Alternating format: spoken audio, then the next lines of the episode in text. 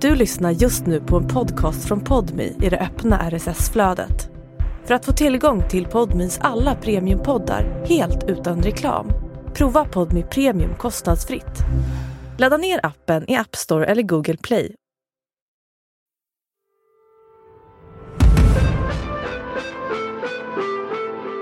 Under natten till torsdagen hittades en man i 30-årsåldern död på en gång och cykelbana på Årstabron. En septembernatt 2020 skjuts en man ihjäl på en bro i Stockholm. Då slår det mig lite senare att eh, den här personen verkar ju ha kunnat varit en skolkamrat till mig. Utredningen pekar mot två personer som är misstänkta för mordet. Men hemlig information från FBI ska sätta allt i ett helt nytt ljus. Det är ett av de första eh, riktigt allvarliga ärendena som vi får bra information om. Eh, det som tidigare hade lyst med sin frånvaro fanns plötsligt svart på vitt. Det, det var ju mordplaner rakt upp och ner liksom. Under flera månader kommer svensk polis delta i en hemlig operation. Men jag förstod ganska tidigt att det är något eh, annorlunda. Ja, jag vågar nog säga att det är den bästa, bästa dagen i, i karriären. En operation som går under namnet Trojan Shield. Grovt kriminella tror att de kommunicerar och gör planer i hemlighet. Men i själva verket chattar de mitt framför ögonen på både FBI och svensk polis. Är med han nu. Vi ska äta. Han litar på oss. Jag var med han i stan. Han litar på oss. Inte ens väst. För de har ingen aning om vem de kan lita på. Den enda de tror sig kunna lita på det är kanske den som bedrar dem mest.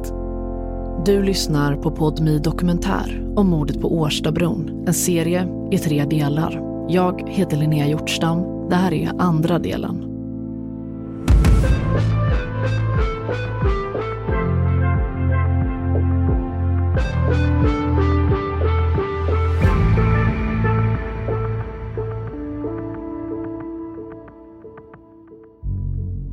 Det är försommar 2021. Åklagare Lisa dos Santos planerar att snart väcka åtal mot två män som vi kallar för Jack och Resa för mordet på Sasha på Årstabron den 17 september 2020. De har mött upp Sasha på Södermalm tidigare den natten och vittnen har sett två män på bron efter att de hört smällar. Kläderna de två männen har på sig stämmer överens med vad Jack och Resa har på sig just den kvällen. Men precis innan Lisa dos Santos ska väcka åtal har hon fått information om att det finns chattkonversationer mellan de misstänkta för mordet på Sasha. Chattar som än så länge var hemliga. Chattar som hon tidigare inte ens visste fanns. Som svensk polis har fått från FBI flera månader tidigare men inte fått säga någonting om till någon. Och det här berörde två personer då som var misstänkta i min utredning och eh, jag fick frågan om det var intressant och det var det naturligtvis. Och jag skulle få möjlighet att titta på de här chattarna lite i förväg för att göra en bedömning om det kunde vara något av intresse för min del då eftersom man då från högre ort kände till att jag låg i startgruppen här inför ett åtal.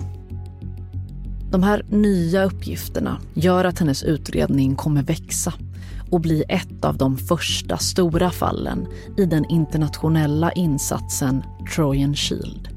En insats som några veckor senare ska leda till att mer än 800 personer grips i 16 länder under en och samma dag. Men för att förstå hur de här chattarna ens hamnade på åklagare Lisa dos Santos bord den här försommaren 2021 måste vi backa bandet till september 2020.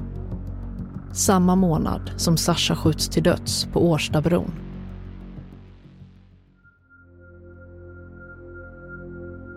I ett kalt mötesrum i Stockholm träffar polisens nationella underrättelseenhet en amerikansk FBI-agent. Alla mobiltelefoner har lämnats utanför rummet. Det som sägs nu är topphemlig information. I det här fallet så kallades till ett eh, möte med vår eh, amerikanske vän från FBI som är stationerad på ambassaden här i Stockholm. Det här är Ted Esplund, polis vid underrättelseenheten på den nationella operativa avdelningen, NOA. Då berättade han att eh, det var en operation som pågick och att man gärna såg att Sverige skulle delta i det här. Och vi fick en väldigt eh, ytlig beskrivning att det handlar om krypterad eh, kommunikation. Men också att eh, det fanns inslag i det här som eh, vi senare skulle få reda på om vi valde att gå med. Att Sverige ingår i internationella operationer är i sig inget ovanligt. Teknikutvecklingen har gjort att många yrkeskriminella kommunicerar med varandra genom så kallade krypterade appar, där tanken är att polisen inte ska kunna ta del av innehållet. Vissa krypterade appar har fått stor spridning och blivit viktiga verktyg för grovt kriminella. Polisens svar på det här har varit att försöka hitta nya sätt att komma åt innehållet, ofta genom samarbete med andra länders polismyndigheter. Svensk polis är vid den här tiden, hösten 2020, i slutet av arbetet med kommunikationstjänsten Encrochat som knäcktes tidigare samma år av fransk polis. Ett arbete som dramatiskt förändrade möjligheterna att få fast grovt kriminella i Sverige. De senaste veckorna har det kommit flera stora åtal mot det som beskrivs som ledarskikt i kriminella nätverk där material från den krypterade kommunikationstjänsten Encrochat är en del av bevisningen. Det finns ett före och ett efter det att fransk polis knäckte krypteringen till Encrochat under våren förra året och i realtid kunde läsa miljoner meddelanden som handlade om detaljerade mordplaner, lastpallar med narkotika och hur det lät när man övertalade barn att skjuta för första gången. Det har lett till hundratals utredningar där många av Sveriges gängkriminella plockats från gatan, däribland de som tidigare varit svårast att komma åt. Men nu får Ted Esplund höra om något nytt. Om en app som många kriminella använder för att skriva till varandra i tron om att det görs i det dolda, men där FBI i själva verket kan läsa vartenda ord. Han får höra om appen Anom och om operation Trojan Shield. Han säger i stort sett att nu har vi haft Encrochat och under den tiden som ni har jobbat hårt med det, för det var ju inte USA speciellt eh, drabbade, så har vi haft en annan operation på gång. Eh, det ser väldigt bra ut och att vi ser att det är brottslighet som träffar Sverige som är av eh, våldskaraktär. Och eh, man ser gärna att eh, Sverige skulle bli en eh, deltagare i det här projektet. Informationen från Operation Trojan Shield kan vara en guldgruva för svensk polis. Om arbetet med Encrochat kraftigt förändrade möjligheterna att komma åt kriminella genom att plötsligt kunna ta del av hemliga chattar och därmed kunnat knyta dem till grova brott, något man tidigare inte kunnat göra, så verkar Anom och Operation Trojan Shield vara något ännu större. Men det är FBI som sätter ramarna det är de som har dragit igång allting. Så, så innan man får all information och på den detaljerade nivån så vill de veta att vi ett vill vara med och två kan garantera att vi ska följa de villkoren som är uppsatta. NOA-polisen Ted Esplund går ut från mötesrummet. Han har ett leende på läpparna, men också en del frågor som snurrar i huvudet på honom. Det var ju också oklart exakt hur det här skulle i den här tidiga fasen hur det skulle träffa Sverige, hur många användare skulle vi ha i Sverige, skulle vi se någon brottslighet? Så att det var ju mycket osäkerhetsmarginaler här, men vi, vi bestämde oss väldigt tidigt att eh, vi skulle vara med. Polisen Magnus Movitz har precis lagt sin mobil i en så kallad bruslåda utanför ett avskalat mötesrum på polishuset i Stockholm. Han har en stund innan blivit uppringd av en chef på NOA där Ted Esplund jobbar polisens nationella operativa avdelning. NOA-chefen vill ha ett möte. Det är viktigt. Vi har en ganska regelbunden kontakt, men jag förstår ganska tidigt att det är något eh, annorlunda. Nu får också han för första gången höra om Anom och om operation Trojan Shield.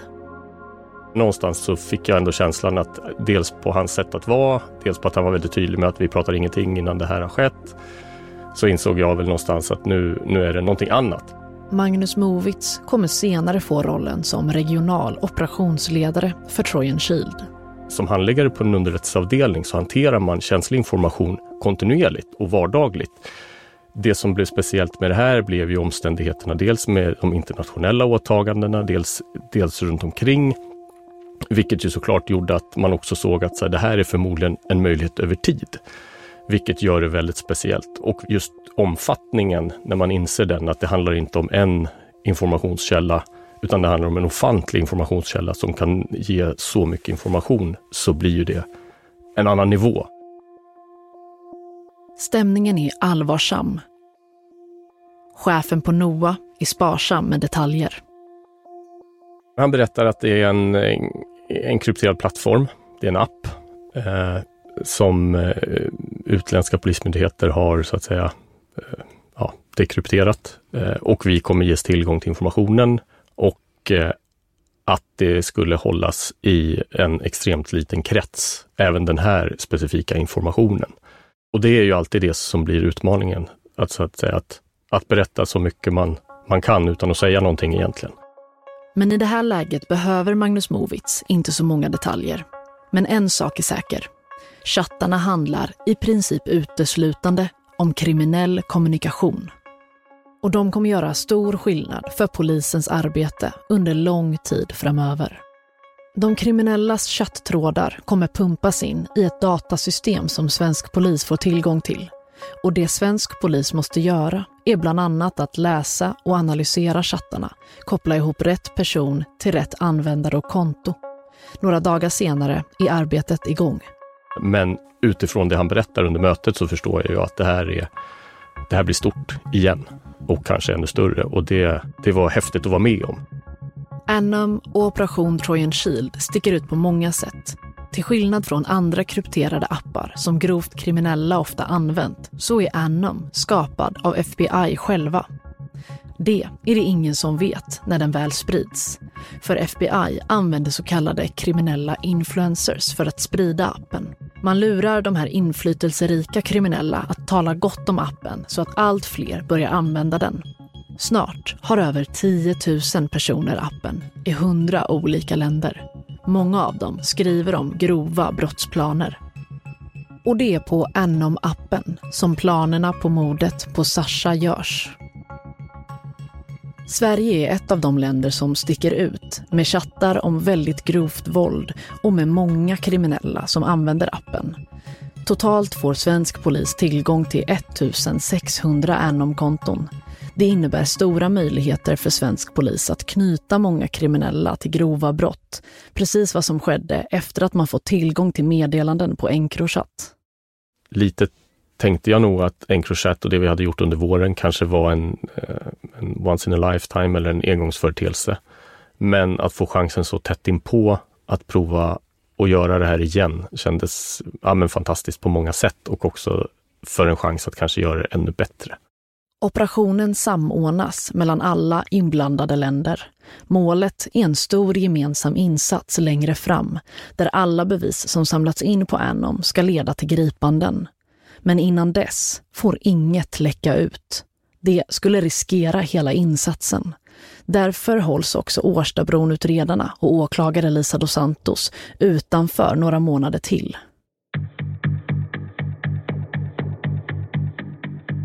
Den stora mängden information som kommer från FBI ska sorteras och analyseras.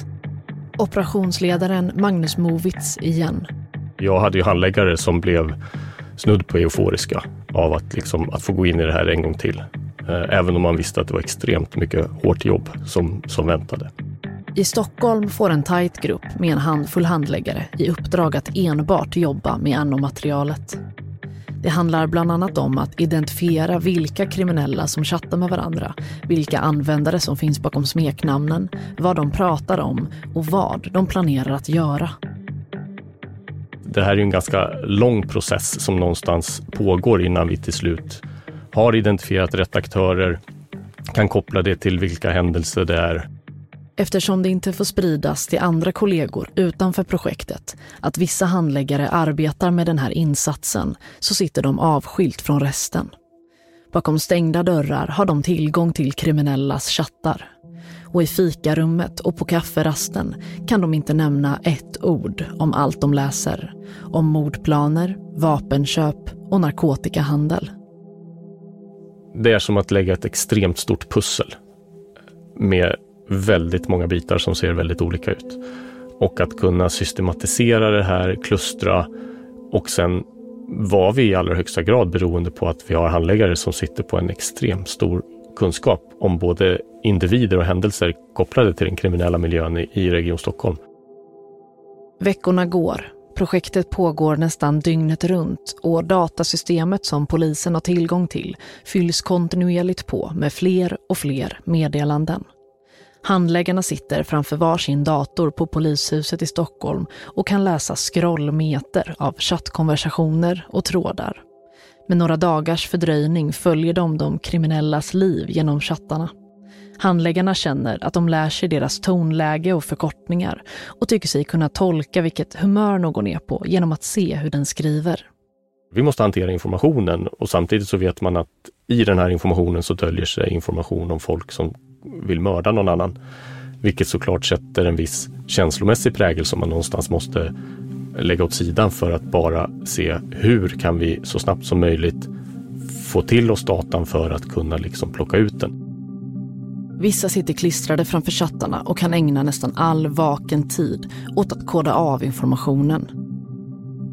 Men när poliser sitter dag ut och dag in bakom stängda dörrar och helt plötsligt vet exakt var ett brott ska begås eller föreslår förstärkning på en viss plats uppstår det med tiden svåra dilemman.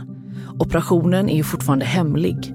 Ingen får misstänka att polisen har tillgång till Anom och chattarna. Absolut så, så uppstod det situationer som som blev konstiga när vi i en mindre krets satt på betydligt mer information som gjorde att man kunde ta en del beslut som kanske andra beslutsfattare inte tyckte var eh, logiska utifrån deras lägesbild. Eh, och den har man, jag och flera med mig fått brottats med lite under den här perioden. Det kan vara att vi från den gruppen som jag jobbade med där då, att vi väljer att prioritera verksamhet kanske mot ett visst lokalpolisområde där vi säger att så här behöver vi ha insatsförmåga eller här behöver vi ha en, liksom, en högre polisnärvaro. Medan de som har det lokala ansvaret inte förstår varför vi säger det. Och det är klart att jag förstår eh, den, eh, den bilden att man då tycker att så här, varför rekommenderar ni förstärkt liksom, förstärkning här när jag inte ser ett problem? Och, och, den får man ju förklara och försöka så här i efterhand ha förståelse för och det hade jag då också. Men det, det, det kan bli lite skav mellan olika avdelningar. Då. Svensk polis får alltså tillgång till chattarna från FBI i september 2020. Samma månad som Sasha mördas på Årstabron. Men även om det ska dröja nio månader innan utredarna av mordet får reda på chattarnas existens så går utredningen framåt. Även utan chattarna tycker sig utredarna ha tillräckligt med bevis mot två personer för mordet. Resa och Jack, de har lockat in honom till stan och misstänkts befinna sig med honom på Årstabron när han blir skjuten. Men bakgrunden till mordet vet man inte säkert. Varför blev Sasha skjuten och vem vill se honom död? När svensk polis ansluter till Operation Trojan Shield blir utredningen av mordet på Årstabron en del av den stora internationella insatsen. Det är ett av de första eh, riktigt allvarliga ärendena som vi får bra information om. Ted Esplund, polis vid underrättelseenheten på den nationella operativa avdelningen NOA igen. I Anom-chattarna kan han och kollegorna läsa om hur mordet på Sasha planeras på ett hänsynslöst sätt. Och det har vi sett i väldigt många ärenden, både i Encro, Anom och i Sky att det finns inga lojaliteter i de här. Man kan vara mycket eh, bror och så här med varandra och till döden skiljer oss åt och de skickar sina eh, pussgubbar och, och hjärtan i de här chattarna och sen vet vi att i, i nästa andetag så konspirerar den ena mot den andra i en annan parallell chatt. Så, så att man har byggt upp det här liksom att eh, man är lojal med varandra fast den lojaliteten är väldigt liten. Det, det svänger eh, jättefort. Antingen är man rädd för sin egen säkerhet eller så är det bara lite pengar eller någon extra andel i narkotikamarknaden som, som skiljer. Så att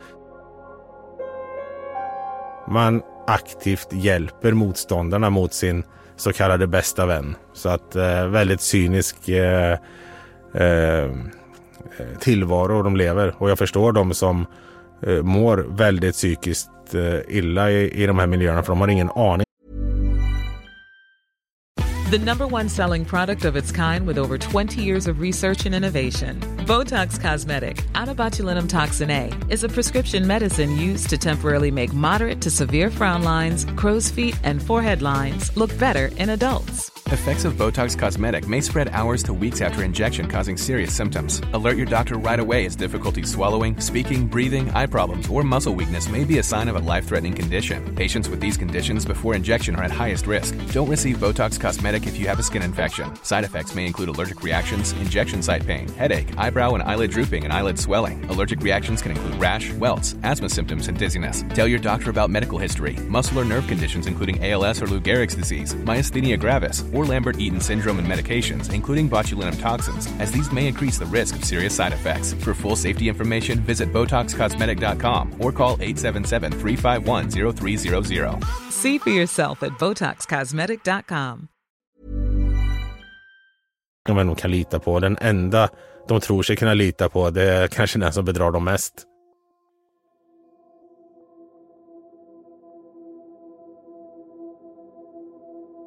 För att det, det är lite mystiskt för att det är så dumt.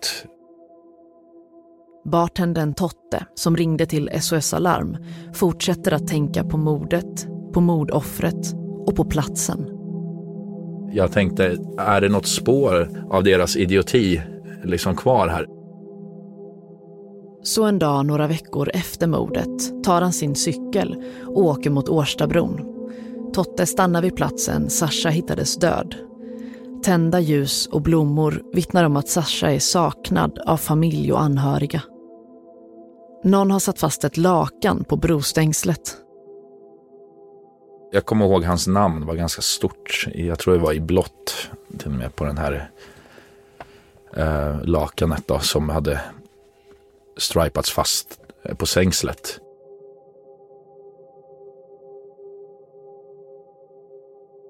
Jag tycker mig känna igen det här namnet på lakanet.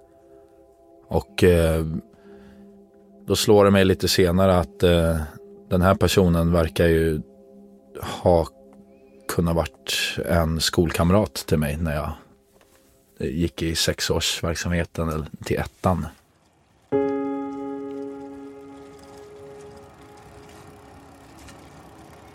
Totte minns tillbaka till sin skoltid i slutet av 90-talet i en förort söder om Stockholm.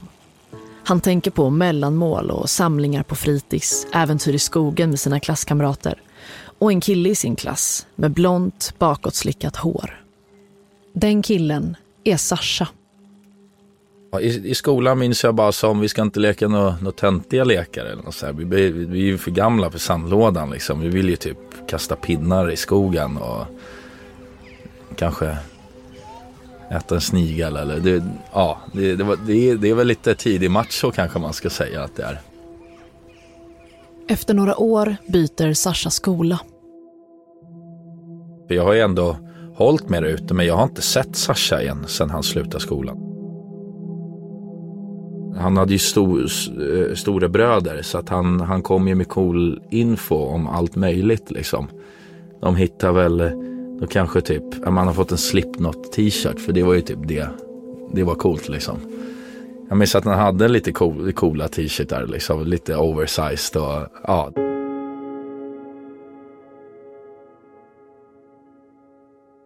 Vi hoppade ut genom fönstret från eh, klassrummet barfota och vi springer i skogen medan läraren står och, och skriker efter oss. Liksom. Det var ju, det, han upp, uppviglade väl lite till att göra roliga grejer. Idéerna verkade falla på hans huvud liksom, till att göra sånt. Eh, rebell är väl ordet kanske. På den här tiden är skolan en trevåningsbyggnad i rött tegel med fönster som vetter mot den asfalterade skolgården och parkbänkar i trä står utplacerade där. Här gick Sasha sina första år i skolan tillsammans med Totte som över 20 år senare ska komma att ringa 112 för att Sasha har hittats mördad på Årstabron. Jag känner att det är, så, det, det är så jävla synd. Vi är inte ens gamla liksom. Totte minns en vinterdag när den asfalterade skolgården är täckt av snö och han och Sasha är på fritids. Det är lite mellis. Eh, ska vi käka den här förbenade skorpan med ost på. Men då, då ser man bara, det är vinter, det är, här, det är liksom en halv meter snö. Då ser man bara Sasha, han, han rymmer, liksom. han drar, skrattar högt och bara, han, han vet att han gör någonting dumt. Han, han drar, han rymmer nu med största leendet på ansiktet. Och min skorna var oknutna och du vet, det var bara alla ungar springer fram till rutan och bara dunkar och bara hejar på Sasha liksom.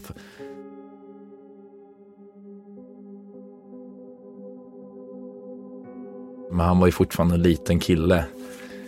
Vi alla var ju små. Liksom.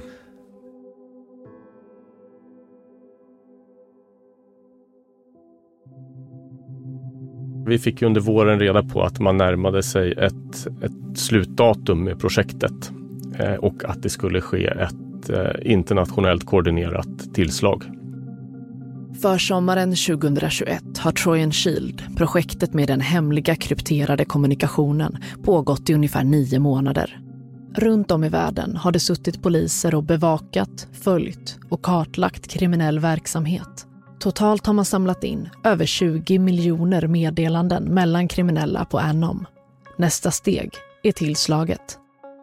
Vi var tvungna att bestämma ett datum för då har flera grovt kriminella suttit lång tid häktade på annan brottslighet än vad vi egentligen vet att de låg bakom. Så tiden tickar ju lite emot oss. Stockholmspolisens operationsledare Magnus Movitz och hans kollegor har fått ett slutdatum och när de ska genomföra det internationellt koordinerade tillslaget.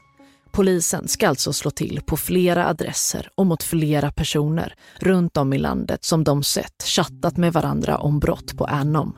Det kommer bli den största insatsen hittills i Sverige mot organiserad brottslighet. Och vi började sakta men säkert utvidga den här lilla, lilla kretsen och det var ju lite nervöst. Vi visste ju fortfarande att det var extremt laddat, att vi var tvungna att hålla det väldigt tajt så att vi mer eller mindre en och en åt gången blev ju invigda i det här. Och vi började så sakteliga planera för ett större tillslag och under de här sista veckan, veckorna före så, så växte ju den här kretsen och samtliga som blev involverade tyckte att det här var fantastiskt. Så, den 7 juni 2021, klockan kvart över två på morgonen, går NOA-polisen Ted Esplund in genom dörrarna på polishuset. Och när jag kommer ner där så då är det ju öde. Men vi hade sagt ungefär vid, att vi skulle samlas vid halv tre-tiden. Så sen börjar folk droppa in där och försöker få lite morgonkaffe och, och vakna till. Flera kollegor är där ovanligt tidigt. Att det har att göra med Operation Trojan Shield, det är det inte alla poliser i huset som vet om. Eh, och sen hade vi även besök ifrån FBI som var på plats och följde oss under den här dagen. För vi var väl ett av de länderna som eh, skulle göra väldigt många gripanden bara på det dygnet. Tillslagen samordnas mellan alla länder som är med i projektet. Ingen information får läcka ut. De olika tidszonerna blir ett problem man måste lösa. Målet blir att göra gryningsräder, med Australien först ut. Efter det insatser i bland annat Tyskland, Norge, Nederländerna och såklart Sverige. Vi började så som solen går upp, så Australien var först ut och sen så eh, rullar vi på för att inte få spridning, att folk hinner slänga sina saker utan eh, så tidig morgon fast i olika tidszoner var det som gällde innan folk kan förstå att någonting var på gång. Under morgontimmarna slår polisen till runt om i hela Sverige. Eh, alla regioner var involverade och eh, hade sin targetlista på vilka som skulle gripas under den här insatsen. Och på bara några timmar kan polisen gripa runt 70 personer tack vare Anom-chattarna. Ja, jag vågar nog säga att det är den bästa, bästa dagen i, i karriären. Det var bara att uh, luta sig tillbaka och, och höra hur gripande efter gripande liksom gav träff. Men att tillslagen görs under Operation Trojan Shield, ledd av FBI, det vet inte poliserna som ska göra tillslagen den här dagen. Det får de veta i efterhand.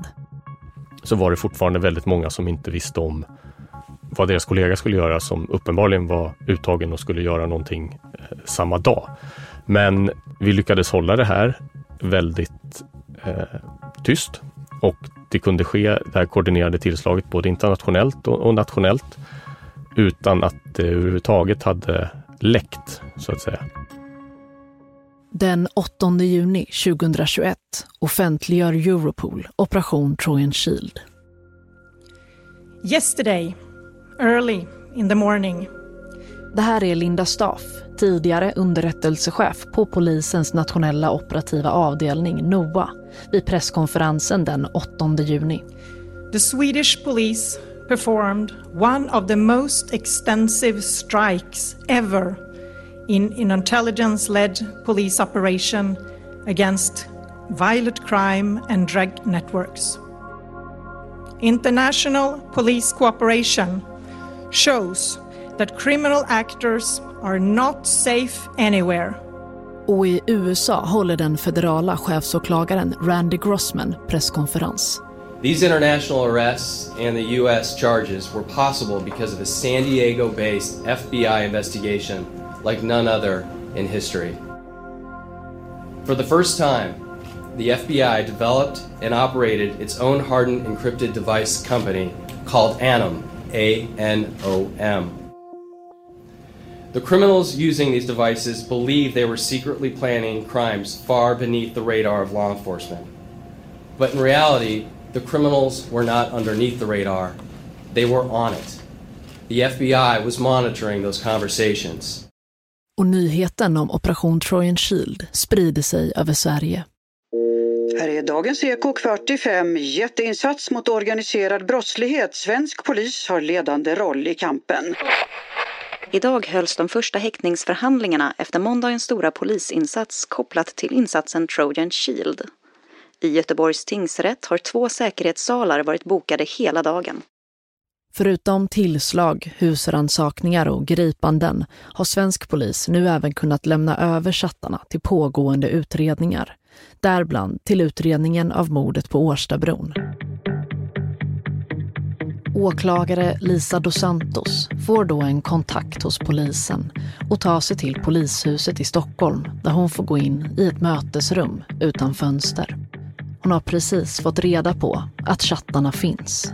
Och då var det utskrivet en, en liten bibba papper med pratbubblor, chattkonversationer. Och absolut inte hela materialet utan ett litet urval för att jag skulle bara få en, en liten inblick i vad, vad det var tal om. Så att jag fick bläddra i de här 20 sidorna och eh, gjorde en bedömning där och då att det här handlade om mitt mord. Eh, personerna som chattade tycktes vara mina misstänkta. Så att eh, jag förstod ju där och då att det kommer inte bli någon rättegång i juni som planerat utan den här förundersökningen kommer ju fortsätta så fort jag får möjlighet att använda mig av det här materialet. Det har ju inte hänt mig tidigare i min åklagarbana att man har suttit med bevissvårigheter, att det är liksom vänt till motsatsen i ett sånt sent skede. Och kanske inte alls, men kanske särskilt så långt in i utredningen. Det kändes ju overkligt såklart. Det är inte första gången Lisa dos Santos får läsa hur kriminella chattar med varandra när de tror att ingen någonsin kommer att komma åt meddelandena.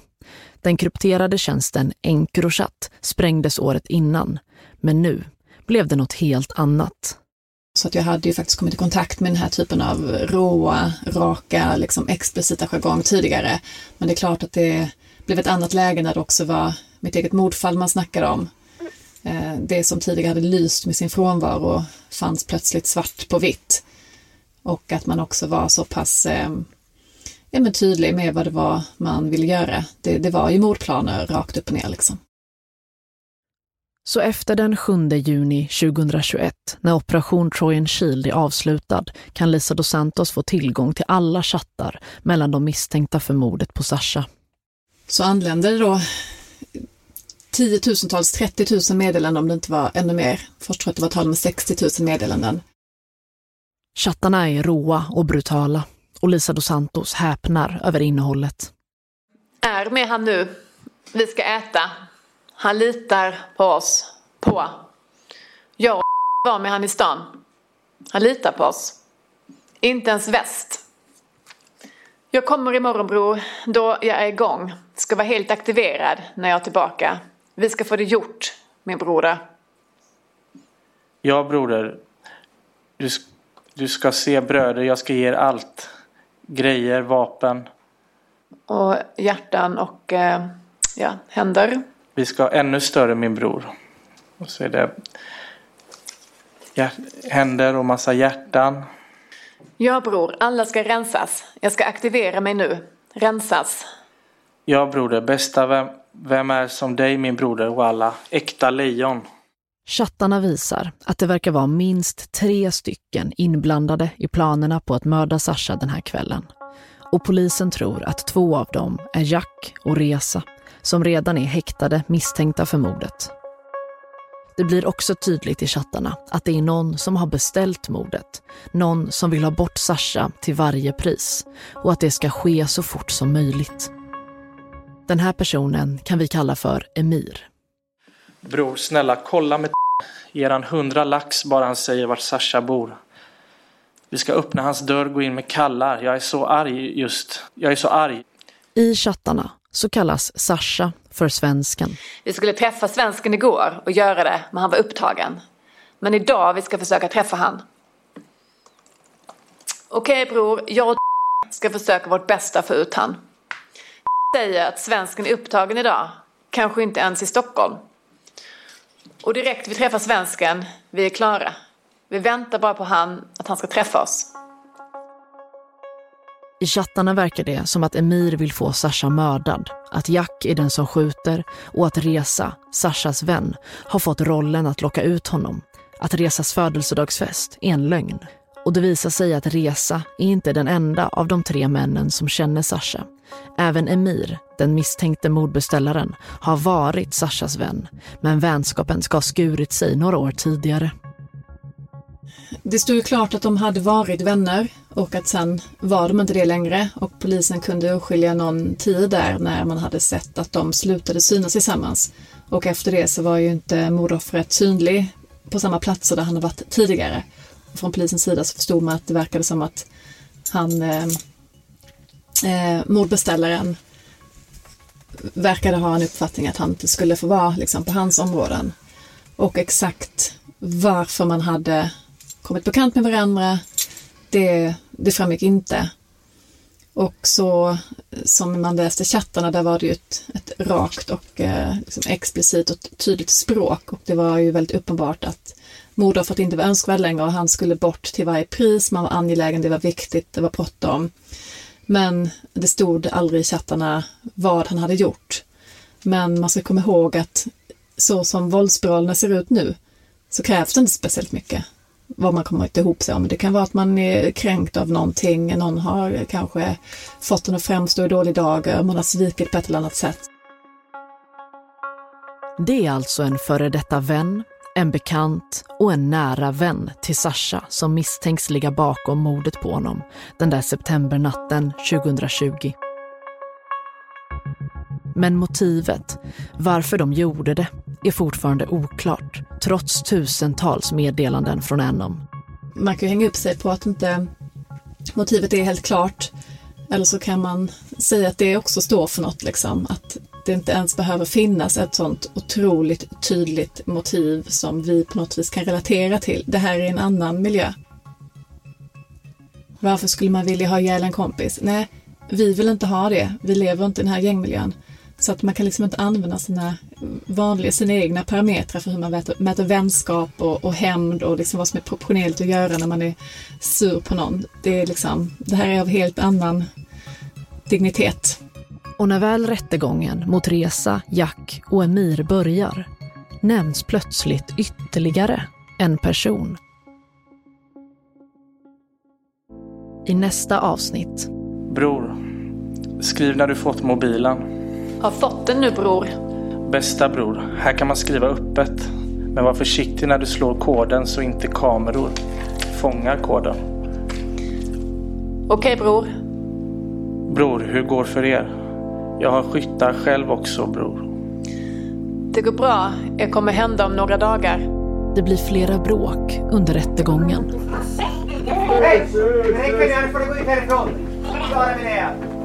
Då går alla ut härifrån. Emirs advokat pekar ut en alternativ gärningsperson. Har man nu hittat någonting som kommer att göra att den här personen som man från anhörighåll var rätt övertygad om låg bakom det här, kommer den personen gå fri nu?